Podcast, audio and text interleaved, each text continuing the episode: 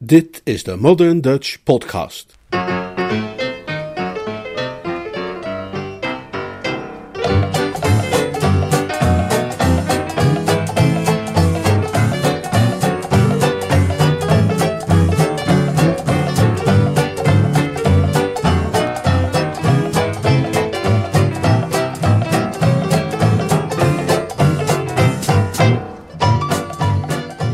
Suikerooms of Het vette des lands.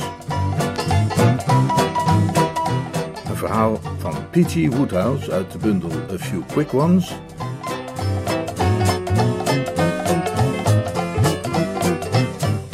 Vertaald en voorgelezen door Leonard Beuger.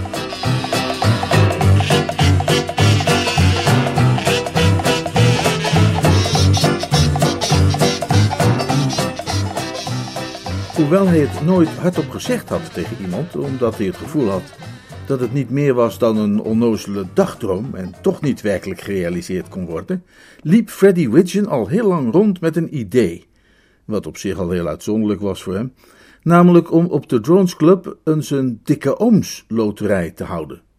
Hij zelf was in het bezit van een van de dikste ooms in Londen, Rodney, Lord Blister, om precies te zijn, en het was hem opgevallen dat veel van zijn mede-dronesleden ook dikke ooms hadden, en het leek hem zonde van zo'n mooi gegeven om dat niet te gebruiken voor het soort weddenschap of loterij, zij het op kleinere schaal, zoals dat in Ierland en in Calcutta wel wordt gehouden.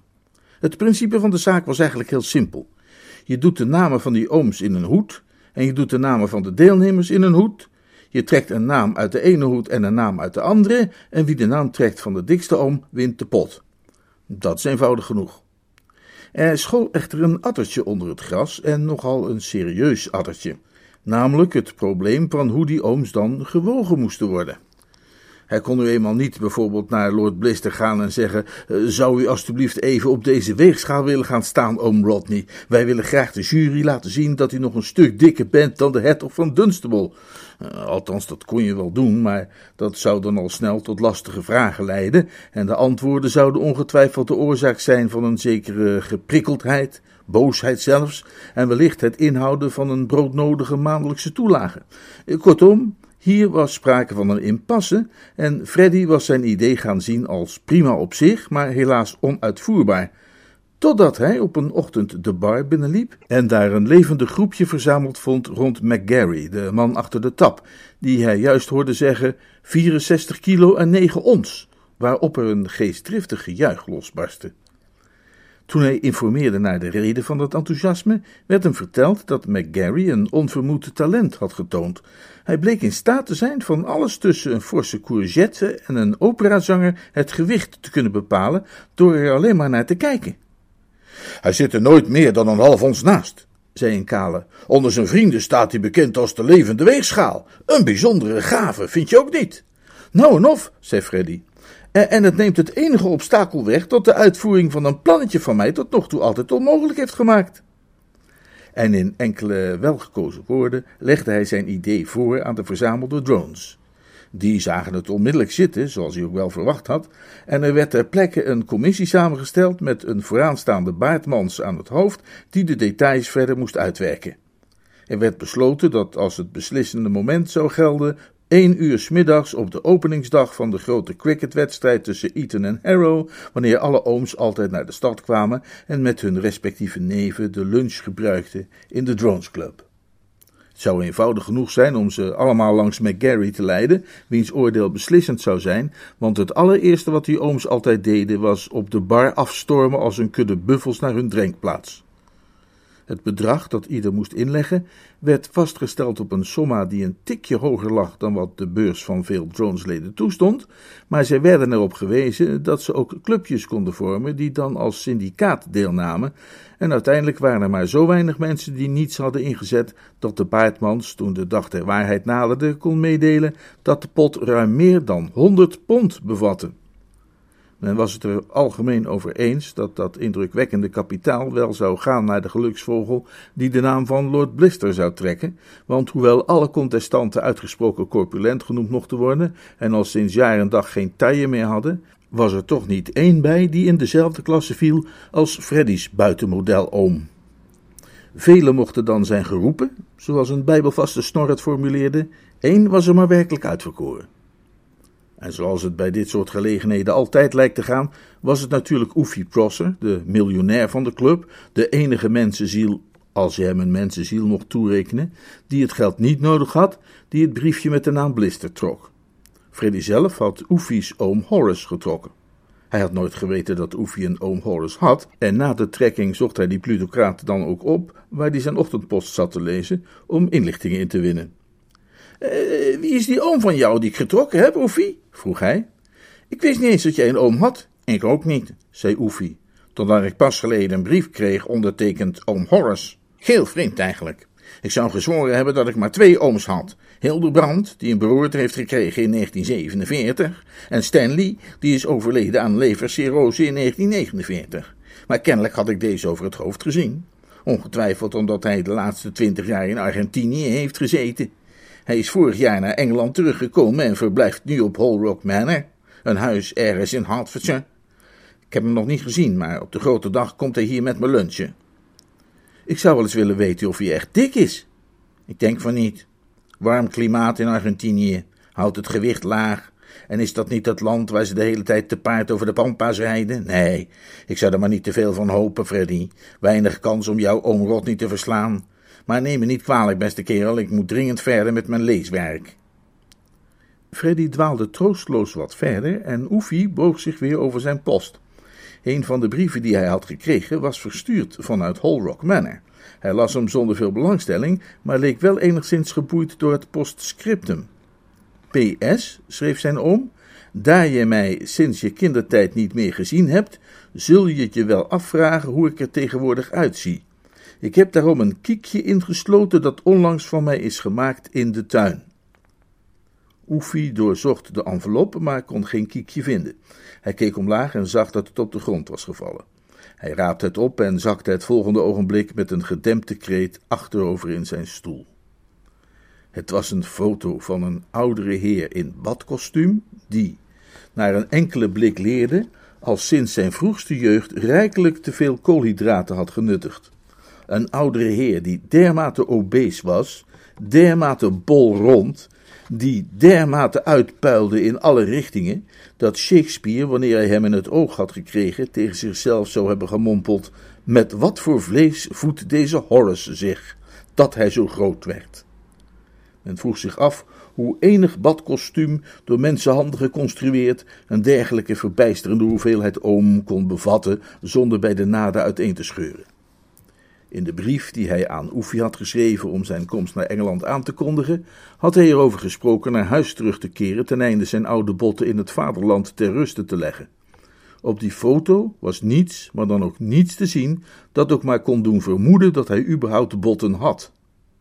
Geen wonder dus dat toen Oefie de man onder ogen kreeg, het beeld van links naar rechts met de ogen aftastend, hij vrijwel hetzelfde soort verbijsterende en adembenemende gevoel kreeg dat hij ook ervaren zou hebben wanneer die oom vanaf een hoog gebouw op hem terecht was gekomen. Met genadeloze helderheid drong het tot hem door dat het briefje met de naam Blister erop, waar hij zo blij mee was geweest, nog niet het papier waard was waarop die naam geschreven stond. Vergeleken met deze mastodont was Lord Blister slank op het anorectische af en maakte geen enkele kans, en de gedachte dat Freddy Widgeon en niet hijzelf al dat verlokkelijke geld zou gaan winnen, stak hem als een dolk door het hart. Zoals we al eerder zeiden, had Oefie dat geld absoluut niet nodig, maar wij waren het die dat zeiden en niet Oefie. Zijn opvatting in die kwestie week daar scherp van af. Overal waar geld aanwezig was, wilde hij dat in zijn vingers krijgen. Terecht werd op de Drones Club over hem gezegd dat hij ondanks zijn weerzinwekkende rijkdom altijd bereid was om 20 kilometer te lopen in schoenen van een maat te klein om er ergens een dubbeltje op te rapen. En velen noemden zelfs nog een lager bedrag. Hoe lang hij daar bewegingloos was blijven zitten, had hij niet kunnen zeggen, maar na een tijdje begonnen zijn scherpe en sluwe hersenen, die tijdelijk verdoofd waren geweest, weer volop te functioneren. En zag hij in dat nog niet alles verloren was. Er was, bedacht hij, een manier om een en ander toch tot een goed einde te brengen. Daarvoor was echter nodig de medewerking van een wederpartij met een onschuldig en argeloos karakter, en voor die rol was niemand meer geschikt dan Frederick Widgeon, Een man wiens vertrouwen in de medemens spreekwoordelijk was. Frederick Widgeon, dat wist hij geheid zeker, geloofde alles wat hij in de krant las. Hij zocht hem op en legde een hand op de mouw van zijn jasje. Freddy, beste kerel, zei hij, mag ik misschien een ogenblikje van je kostbare tijd opeisen? Freddy zei dat hij dat wel mocht. Ik weet niet, zei Oefie, of jij toevallig daarnet even in mijn richting hebt gekeken. Freddy zei van niet. Nou, als je dat wel gedaan had, dan zou je hebben opgemerkt dat ik in diepe meditatie was verzonken en ik zal jou zeggen waarom. Ben jij vroeger padvinder geweest? Freddy moest dat ontkennen. Ik wel. En de lessen die ik daar geleerd heb in die jaren van korte broeken en speurtochten ben ik nooit vergeten. Oh, knopen leggen bedoel je, en vuur maken door stokjes tegen elkaar te wrijven.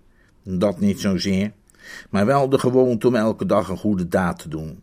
Zoals je waarschijnlijk weet, worden padvinders geacht elke 24 uur een goede daad te verrichten. Hele goede zaak is dat trouwens. Het houdt ze scherp. Ja, dat snap ik, is logisch. Ja, maar als je ouder wordt, heb je de neiging om die dagelijkse goede daad maar een beetje te laten zitten. En dat is niet goed. Dat zou een mens eigenlijk niet moeten doen. Er is geen enkele reden waarom je zulke kleine positieve acties, die immers voor iedereen het leven wat aangenamer kunnen maken, zou moeten nalaten. Eigenlijk alleen omdat je geen cakey shirt meer draagt met een fluitje eraan. Men zou dat dapper moeten volhouden. Dat werd mij daarnet even heel duidelijk toen ik nog wat zat na te peinzen over die loterij, die sweepstake waar we het over hadden. Is het wel juist, is het wel eerlijk, vroeg ik mij af, dat ik, voor wie geld niets betekent, de favoriet heb getrokken. Terwijl iemand die die centjes echt nodig heeft, zoals mijn oude vriend Freddy Widgeon, zit opgescheept met een kansloze randfiguur. Daar is natuurlijk maar één antwoord op. Hm, dat is niet juist, dat is niet eerlijk, dat is iets wat moet worden rechtgezet. Hoe bedoel je rechtgezet? Heel simpel. Wij moeten gewoon onze briefjes ruilen. Ik neem dat van jou, oom, en jij dat van de mijne. Ja, ja, zei Oefie toen hij zag dat zijn oude vriend hem aangaapte als een verbijsterde schelvis. Jij bent natuurlijk verbaasd. Het lijkt jou bizar dat ik zomaar afstand doe van die honderd piek of wat het zijn mag. Maar wat jij over het hoofd ziet, is dat ik straks vervuld zou worden van de warme gloed die je krijgt wanneer je een goede daad hebt gedaan door een naaste, een medemens, een stapje vooruit te willen helpen op de weg naar het geluk. Wat is daarbij vergeleken nu honderd piek? Maar, maar, maar, geen gemaar, Freddy, ik sta erop. Nee, nee, je hoeft me echt niet te bedanken. Ik heb er volledig zelfzuchtige motieven voor. Het gaat mij puur om die gloed. En vervolgens liep Oefie naar de baardmans om het ruilen van de briefjes officieel te laten vastleggen in het boek waarin de namen van de deelnemers waren genoteerd. Hij gloeide.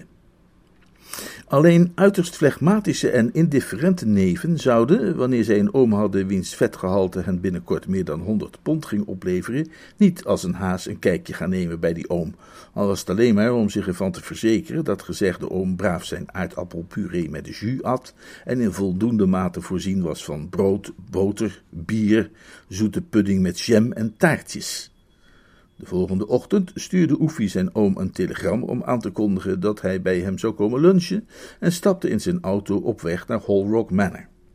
Hij had zich daarbij een fraai oud huis voorgesteld, omgeven door zijn eigen park en landerijen, en ontdekte bij aankomst dat zijn verbeelding hem niet had misleid. Holrock Manor was duidelijk een plek waar gegoede lieden zich zo mogelijk nog meer te goed deden, en begeerig van aard als hij was, liep het water hem reeds in de mond bij het vooruitzicht van de copieuze lunch waaraan hij zo dadelijk zou deelnemen. De autorit had hem bepaald hongerig gemaakt. Hij meldde zich en al snel kwam daar Mr. Horace Prosser aangepuft. Na een intermezzo met veel gewel, wel, wel, en daar ben je dus eindelijk, onvermijdelijk onder omstandigheden, begaven zij zich naar de eetkamer en eh, gingen aan tafel zitten. Tot Oefis genoegen constateerde hij dat de stoel waar zijn bloedverwant zich op neerliet zichtbaar sidderde onder diens gewicht en fel knarste uit protest. Op de heenreis had hij af en toe het ongemakkelijke gevoel gekregen dat dat kiekje misschien de proporties van de geportretteerde had overdreven, maar een enkele blik was genoeg geweest om hem duidelijk te maken dat hij nodeloos had gevreesd. Nu hij de man in den vlezen kon waarnemen, had hij meer het gevoel, net als de koningin van Sheba, dat nog niet de helft hem was verteld. Het enige dat hem verontrustte was dat zijn gastheer, ongetwijfeld door een momentane verstrooidheid of vergeetachtigheid, verzuimd had hem een aperitief aan te bieden, de martini, waar hij al een uur lang zijn lippen voor aan het aflikken was. Pas toen er een kelner verscheen met de menukaart, leek Mr. Prosser zijn nalatigheid te binnen te schieten. Hij haastte zich zijn excentrieke gedrag te verklaren. Oh, oh, neem me niet kwalijk, hè, dat je geen cocktail kon aanbieden, mijn jongen. die hebben we hier niet. Maar ze schenken je wel een voortreffelijk glas pastinaaksap, wanneer je daar misschien trek in hebt. Niet? Niet? Hè? Oh, nou, dan, dan zullen we maar bestellen. Vind je niet? Hè? Wat, wat zeg je van gestoofde sla? Hm? Of heb je liever een sinaasappel? Ah, maar wacht, we hebben geluk, zie ik. Het is vandaag geroosterde wortelendag. Uh, wat, wat vind je ervan als we zouden beginnen met een kaliumbouillon? Hè? Hm? Daarna dan de geroosterde wortels, hè? om tenslotte af te ronden met een verkwikkend kopje paardenbloemenkoffie. Al meteen bij het begin van zijn woorden was Oefie's onderkaak gaan hangen als een vrijwel uitgebloeide lelie. Hij hees hem weer op om een vraag te kunnen stellen. Maar zeg, waar zijn we hier dan eigenlijk? Wat, wat is dit voor huis? Oh, het is van een of andere Lord uh, geweest, of uh, van een Sir Huppel de Pup nog iets. het fijne ervan ben ik vergeten. Hm? Als zoveel landgoedeigenaren heeft hij zijn bezit na de oorlog moeten verkopen. Zo onmogelijk om het aloude erfgoed nog langer te onderhouden. Treurig hoor, heel treurig. Nog treuriger dan kaliumbouillon? Oh, hou je niet van kaliumbouillon? Ah, je kunt ook zeewiersoep krijgen hoor, als je dat liever hebt. Maar ik begrijp het niet. Is dit, is dit een hotel? Nou, uh, meer een kliniek kun je het noemen, zou ik zeggen. Uh, uh, wij komen hier om af te vallen. Het is niet gemakkelijk om te wankelen terwijl je in een stoel zit, maar Oefie kreeg het voor elkaar. Hij staarde vertwijfeld naar zijn tafelgenoot en de kaliumbouillon droop van zijn ontzenuwde lepel. Zij u nu afvallen? Uh, precies, ja. Uh, Dr. Hilsham, die hier de leiding heeft, uh, garandeert dat wie zijn dieet getrouw volgt, iedere dag een pond zal afvallen. Ik verwacht zo'n 20 kilo kwijt te raken voor ik hier vertrek. Oefie wankelde opnieuw en de kamer leek om hem heen te dansen. Het hol gekreun dat uit zijn keel kwam, herkende hij nauwelijks als zijn eigen stem. Mm, twintig kilo? Ja, als het niet meer is. U lijkt wel mal. Wie lijkt wel mal? U. Waarom zou u 20 kilo willen kwijtraken? Vind jij dan niet dat ik uh, toch wel wat te zwaar ben? Wel, nee. Ik noem dat lekker mollig, gezellig. Lekker mollig, hè? Nou, dan ben je een stuk vleiender dan Lorette was. Dan wie was? Uh, ene Mrs. Delancey, die ik op de boot hierheen heb ontmoet. Zij noemde mij een nijlpaard. Wat een ordinair, onbeschaafd type moet dat zijn. Alsjeblieft zeg, je hebt het daar wel over de vrouw die ik lief heb. Wat noem ik over de wie die u wat? Het was onmogelijk om vast te stellen of daarbij een blos Horace Prosser's wangen kleurde, want die waren in normale toestand al meer dan kersenrood, maar hij oogde ontegenzeggelijk enigszins beschroomd. Het zou te ver gaan om van een preuts glimlachje te spreken. Hij mompelde iets als, uh, die, maan overgoten nachten. en toen Oefie vroeg wat voor maan overgoten nachten, legde hij uit dat hij het had over de maan overgoten nachten waarin hij en Mrs. Delancey, die sedert enige jaren weduwe was, samen over het dek hadden gewandeld. Het was aan het eind van een van die wandelingen, voegde hij eraan toe, dat hij haar gevraagd had zijn vrouw te worden, en zij had geantwoord dat het enige dat hun samengaan in de weg stond, zijn overtollig vetweefsel was. Ze weigerde, had ze gezegd, voor het altijd te staan naast een menselijk nijlpaard. Horace Prosser grinnikte. Geestig als zij altijd formuleert, zei ze, dat dat een vrouw die een man van mijn omvang trouwde, ernstig gevaar liep te worden gearresteerd, wegens bigamie. ze bekende dat ze vaak genoeg verlangd had naar iemand zoals ik, maar dat ze er niets voor voelde twee keer zoveel aan te moeten als waar ze naar verlangd had. Dus de hele intelligente, geestige vrouw komt uit Pittsburgh. Oefie verslikte zich in een hapje van de gele smurrie die voor hem was neergezet. Nou, ik noem haar toch nog steeds ordinair en onbeschaafd. Nou, we zijn uit elkaar gegaan met de afspraak dat ik ergens heen zou gaan om een vermageringsdieet te volgen. En als ik dan uh, op een dag naar haar toe kwam met 30 pond of zo minder op mijn karkas, ons overleg zou worden hervat in wat politici zouden noemen een atmosfeer van uiterste welwillendheid. Ik zie haar nu binnenkort en ik denk niet dat ze teleurgesteld zal zijn. Hm. Neem nog wat van die wortels, jongen. Die werken niet alleen rechtstreeks op de vetlichaampjes, maar zijn ook rijk aan vitamine A, B, C, D, E, G en K. En nadat hij zijn lunch had verteerd, vertrok Mr. Prosser voor een massage. Op de terugweg naar Londen rilde Oefie achter het stuur bij de herinnering aan wat zijn oom had gezegd over de effleurage, het wrijven, frictioneren en kneden, de petrissage, vibratie en tapotement die bij een massage op Hall Rock Manor kwamen kijken. Hij was ontsteld. Als dat soort dingen aan de hand was en dan ook nog naast die kaliumbouillon en de paardenbloemkoffie was het duidelijk dat de man straks aan de streep zou verschijnen als niet meer dan een schaduw. Als Lord Blister ook maar een beetje in wedstrijdconditie was, zou hij hem eenvoudig met twee vingers in zijn neus voorbij streven. Veel jonge lieden zouden in een dergelijke situatie de handdoek in de ring hebben gegooid en hun verlies hebben toegegeven, maar Oefie gaf niet op. Ik moet kalm blijven. Kalm zei hij tegen zichzelf toen hij de volgende dag naar de Drones Club ging en uiterlijk was hij ook kalm toen hij op Freddy Widgeon afstapte die aan de bar een sandwich met ham zat te eten. Goh, Freddy, zei hij nadat ze hadden gehooid. Ik ben blij dat ik jou toevallig tegenkom. Zie je hoe ik sta te trillen als een espenblad? Nee, zei Freddy. Eh, tril jij als een espenblad? Ja, en, en of ik sta te trillen als een espenblad. Goh, Waarom sta je dan te trillen als een espenblad? Nou ja, zou niet ieder mens van goede wil beginnen te trillen als een espenblad, als hij er maar net aan ontkomen was een goede vriend te moeten verzaken of teleur te stellen?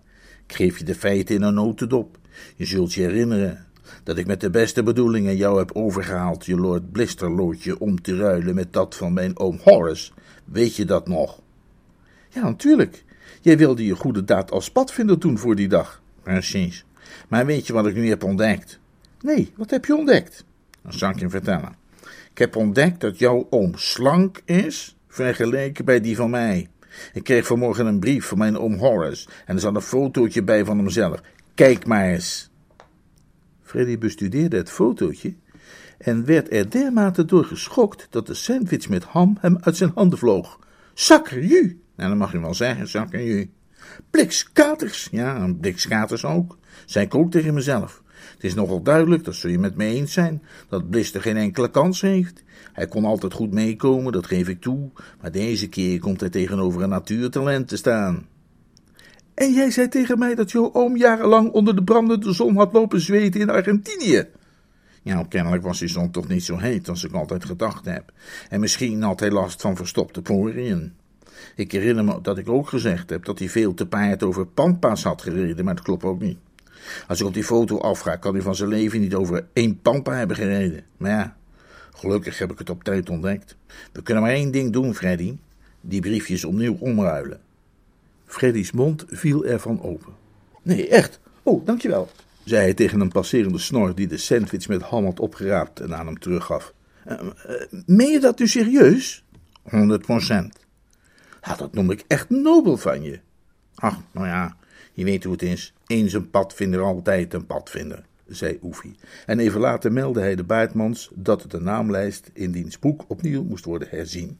Het was Oefie's gewoonte om telkens wanneer het leven in Londen iets van zijn fascinatie begon te verliezen en de conversatie van zijn medeleden van de Drones Club soms de gebruikelijke tinteling leek te ontberen, een poosje uit te wijken naar Parijs om wat andere lucht te snuiven.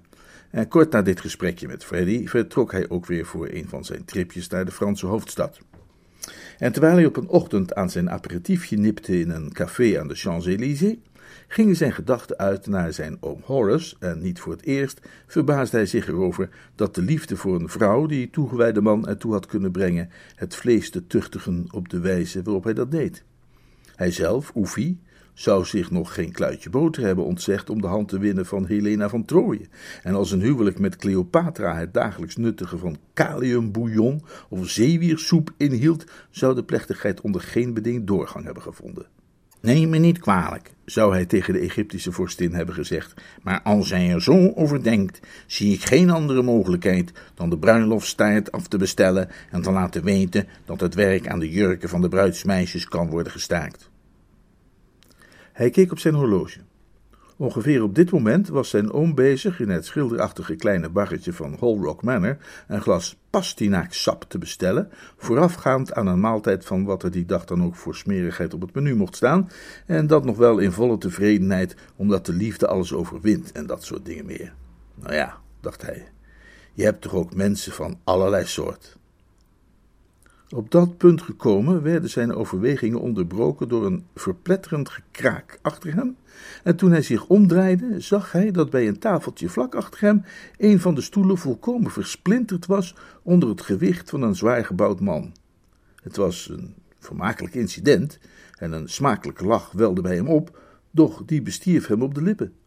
De weldoorvoede persoon die zich trachtte te bevrijden uit de brokstukken, was niemand minder dan zijn oom Horace diezelfde oom Horace die hij zich zojuist voor de geest had gehaald te midden van pastinaaksap en zeewiersoep op Hall Rock Manor, Hertfordshire. Oom! riep hij uit en haastte zich naar hem toe. Oh, hallo jongen, zei Mr. Prosser, terwijl hij het stof uit zijn kleren klopte. Uh, jij hier. Hm? Ze maken die stoelen tegenwoordig wel erg dunnetjes, mopperde hij, een tikje kregelig. Maar kan natuurlijk ook zijn, ging hij op wat mildere toon verder, dat ik de laatste weken toch weer wat aangekomen ben. Het is die, die, die Franse keuken, hè? Altijd lastig om die heerlijke sausen te weerstaan. Maar wat doe jij hier in La Ville Lumière? Wat doet u hier in La Ville Lumière? wilde Oefie weten. Waarom bent u niet in dat vreselijke gesticht in Hertfordshire? Daar ben ik al tijden weg. Maar hoe moet dat dan met de vrouw die u lief heeft? Ja, welke vrouw die ik lief heb? Nou, die vrouw die u een nijlpaard genoemd had. Ho, uh, Loretta Delancey. Dat, dat, dat is over. Dat, dat bleek niet meer te zijn dan zo'n voorbijgaande romance aan boord. Je kent dat. Op zee lijkt het allemaal roze geur en maneschijn, maar je bent nog niet aan land of je bent alweer compleet ontnuchterd. Op een middag kwam ze naar Rock Manor en de schellen vielen mij van de ogen. Ik kon me gewoon niet voorstellen dat ik ooit iets gezien had in die vrouw. Het idee dat ik om harentwil nog eindeloos al dat gedieet en die, en die massage zou moeten doorstaan, leek me opeens zo ongelooflijk dwaas, dat ik haar de volgende dag een beleefd briefje heb geschreven met de mededeling dat ze wat mij betreft met een aanloopje in de dichtstbijzijnde sloot kon springen. Ik heb mijn koffertje gepakt en ben vertrokken. Maar het is leuk om jou hier zomaar tegen te komen, zeg, mijn beste joh. we moesten maar eens een paar keer uitgebreid met elkaar gaan eten. Blijf je nog lang in Parijs? Nee, ik vertrek vandaag, zei Oefie. Ik moet een man spreken, een Widgeon, over zaken. Maar hij kreeg Freddy niet te spreken. Hoewel hij dag en nacht op de club rondspookte in de hoop diens vertrouwde trekken te mogen ontwaren, kreeg hij daar geen glimp van te zien. Bingo Little zag hij. Catsmeet Potter Purbright zag hij. Barmy Phipps. Percy Wimbush. Nelson Cork. Archibald Mulliner en al die andere steunpilaren van de Drones Club die daar dagelijks lunchten, zag hij. Maar er was een opvallend en voortdurend tekort aan Widgeons. Het was alsof dat jongmens zich onttrokken had aan alle menselijke waarneming, zoals de kapitein en de bemanning van de Marie Celeste. Pas toen hij een keer een snelle slok nam met een kale die toevallig Freddy's beste vriend bleek te zijn, werd het mysterie van diens verdwijning opgelost. Uh, toen de naam van de afwezige viel, moest de kale even zuchten. Oh, ja, Freddy, zei hij. Ja, dat kan ik je wel vertellen. Die verkeert op het ogenblik in een beetje moeilijke situatie. Hij moet een boekmaker nog 50 pop betalen en die heeft hij even niet. De sukkel. Ja, zijn sukkel klopt, ja, maar het is, het is niet anders. Hè. wat er gebeurd is, is dat hij die sweepsteken oom heeft getrokken waar niemand ooit van gehoord heeft. Maar u, daar had hij onverwacht ontzettende mazzel mee, zeg. Hij liet me een kiekje zien van die man. Ik stond compleet versteld. Ik zag op het eerste gezicht dat dat een gegarandeerde winnaar was. Zo mijlenver voor op het peloton dat er gewoon geen concurrentie mogelijk was. Blister zou er een goede tweede bij zijn, maar meer ook niet. Het is opvallend hoe vaker bij zo'n grote wedstrijd toch een, stille kampioen opduikt die alle berekeningen in de war gooit. Maar met het geld van die sweepstakes zo goed als in zijn zak, zo gezegd, heeft die arme Freddy zijn hoofd verloren. En op Campton Park zijn hele hebben en ingezet op een paard dat uiteindelijk vierde werd, met als gevolg dat hij, zoals ik al zei, zijn boekmaker 50 pond schuldig is gebleven. Er geen kans ziet hem te betalen tot hij het geld van die sweepstake krijgt. Toen die boekmaker begreep dat hij zijn geld niet zou krijgen, heeft hij Freddy op vaderlijke wijze geadviseerd voortaan maar heel voorzichtig te zijn. Is natuurlijk onnozel om bijgelovig te zijn, zei hij tegen hem. Maar het was hem toch wel als heel eigenaardig opgevallen dat elke keer wanneer iemand om een of andere reden niet betaalde, die persoon een onaangenaam ongeluk overkwam. Ja. Telkens weer had hij dat zien gebeuren. Er kon toch gewoon geen toeval meer zijn. Het moest een soort van noodlot wezen, dacht die boekmaker. Dus nu houdt Freddy zich ergens schuil met een valse baard om van Clarkson. Maar in East Dulwich. Waar in East Dulwich? Ja, zei de kale, dat zou die boekmaker ook wel graag willen weten. Het probleem met East Dulwich, althans voor een gladgeschoren man die er een met een baard zoekt, is dat het daar zo druk bevolkt is. Wat het zoeken iets van de naald en de hooiberg bezorgt. Tot aan de dag van de wedstrijd tussen Eton en Harrow dwaalde Oefie er ijverig en hoopvol door de straten, maar East Dulwich wist haar geheimen goed te bewaren. Op de eerste wedstrijddag stond hij op de stoep van de Drones Club en speurde de horizon af als zuster Anna in het sprookje van Blauwbaard. Op deze ochtend der ochtenden, meende hij, kon Freddy daar toch niet wegblijven. Het ene lid na het andere liep langs hem heen het gebouw binnen en allemaal waren die leden vergezeld door ooms van wisselende omvang, maar Freddy Widgeon was er niet bij. Oefie's bloeddruk had inmiddels al bijna een nieuw record bereikt toen er een taxi voor de deur stopte en er iets bebaards naar buiten schoot, langs hem heen, door de hal en de trap af in de richting van de toiletten. Ter elfder uren, en dat dan nog strak aan de tijd gemeten, was hij dan toch opgedoken. Toen Oefie even later de toiletruimte binnenstormde met een jachtkreet op de lippen, staarde Freddy juist zichzelf aan in de spiegel. Iets wat niet veel mensen hem graag nagedaan zouden hebben, gezien de manier waarop hij eruit zag. Een zwakker man dan Oefie zou ook zeker teruggeschrokken zijn bij de gruwelijke aanblik die hem daar wachtte. Freddy had bij zijn aankoop bij Clarkson kennelijk meer oog gehad voor kwantiteit dan voor kwaliteit. De verkoper had hem ongetwijfeld een keurig ringbaardje aanbevolen in de stijl van Anthony van Dijk, als gedragen door de betere klasse van ambassadeurs, maar Freddy had zich als een opgejaagd hert gevoeld, en als opgejaagde herten een baard kopen, dan gaan ze voor iets ruigs en weelderigs, als geprefereerd door 19e-eeuwse romanschrijvers. De man die Oefie zo lang had gezocht, had zoals hij er nu uitzag probleemloos kunnen binnenstappen in de Garrick Club van de jaren 1860. En Wilkie Collins en de rest van die types zouden hem verwelkomd hebben als een broeder, in de veronderstelling dat hij Walt Whitman was. Freddy, riep Oefie uit. Oh, oh, hallo Oefie, zei Freddy. Hij trok heel voorzichtig aan die baard en keek erbij alsof dat pijn deed. Je, zult wel verbaasd zijn. Nee, dat ben ik niet. Ik was al voor gewaarschuwd. Waarom doe je dat verdomde ding niet af? Dat kan ik niet. Stevig trekken, zou ik zeggen. Heb ik gedaan, maar dat deed afgrijselijke pijn. Dat ding is vastgeplakt met mastix of iets dergelijks. Laat die baard dan maar even zitten. We hebben geen tijd om het over baarden te hebben. De hemel zij dank, Freddy, dat ik jou heb gevonden. Nog een kwartier en het zou te laat zijn geweest. Wat zou te laat zijn geweest? Het. We moeten die loodjes omwisselen. Wat? Alweer? Onmiddellijk. Weet je nog dat ik je vertelde dat mijn oom Horace op Rock Manor verbleef in Hertfordshire? Nou, ik veronderstelde natuurlijk dat dat zo'n luxe hotel was op het platteland waar hij van alles dubbele porties zou opscheppen en zich liet vollopen met bier, champagne en likeuren naar keuze. Maar was dat ook zo? Niet? Was, wat was het dan wel, als het dat niet was? Een zogenaamde kliniek met een of andere nepdokter aan het hoofd waar de zwaardere obesitasgevallen naartoe gaan om af te vallen.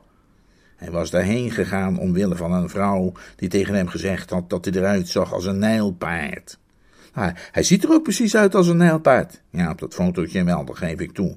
Maar dat was al weken en weken geleden genomen. En tijdens al die weken had hij geleefd op appelsap, tomatensap, sinaasappelsap, ananassap, pastinaaksap, geroosterde wortelen, kaliumbouillon en zeemiersoep. En ook werd hij dagelijks gemasseerd. En met massage bedoel ik effleurage, wrijven, frictioneren, kneden, petrissage, vibratie en tapotement. Grote genade. Grote genade is correct. Hoef je zeker niet te vertellen wat er gebeurt. Als dat een tijdje zo duurt, dan gaat het echt mis. Hij moet inmiddels tientallen kilo's hebben verloren en kan absoluut geen concurrentie meer vormen voor die oude Blister. Geef me dus gauw dat briefje van oom Horace, dan geef ik jou dat van Lord Blister terug en dan is de hele zaak weer in orde. Potfijn, drie Freddy, beste kerel. Als ik bedenk hoe weinig het had gescheeld of ik had jou laten zakken, terwijl ik juist dacht dat ik je een goede dienst had bewezen, dan lopen me de rillingen over de rug. Freddy streek over zijn baard. Tot Oefie's verdriet keek hij nog wel aarzelend, twijfelachtig. Nou, zei hij, ik weet het niet zeker. Jij zegt dat jouw oom Horace tientallen kilo's is kwijtgeraakt. Maar ik ben er vast van overtuigd dat als er bij hem 30 kilo afgaat, hij nog altijd een stuk dikker is dan mijn oom Rodney. En ik weet niet of ik het erop moet wagen. Weet je, er hangt voor mij veel van af om dit potje te winnen. Ik sta 50 pond in het krijt bij een helderziende boekmaker, die in zijn kristallen bol heeft gekeken en mij voorspelt dat ik een lelijk ongeluk zal krijgen als ik niet snel ga dokken. En hij zegt erbij dat die kristallen bol van hem erg betrouwbaar is gebleken. Ik zou het heel vervelend vinden als ik dat oom Horace briefje had omgeruild voor het oom Rodney briefje en oom Horace won en ik kwam in het ziekenhuis terecht waar de chirurgen over mijn hele lijf kruissteekjes moesten gaan maken.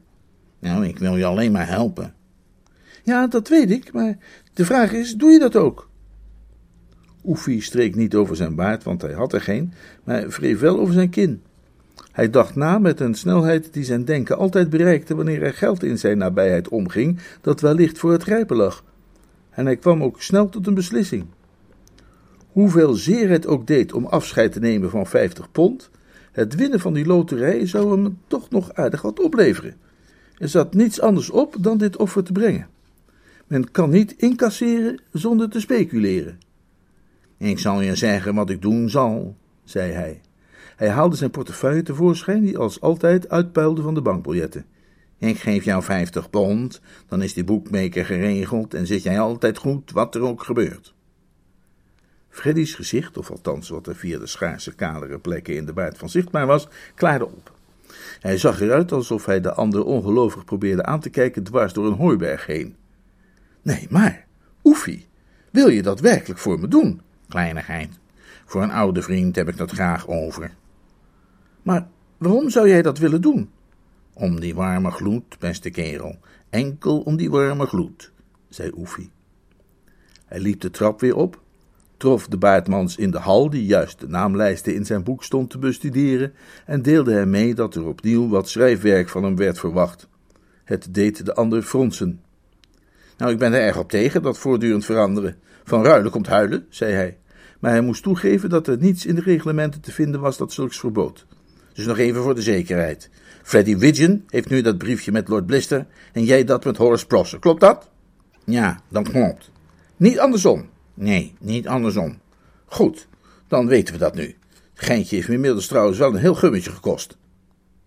Op dat moment zag de portier, die al een hele poos geprobeerd had om Oefie's aandacht te trekken, kans om er een woordje tussen te krijgen.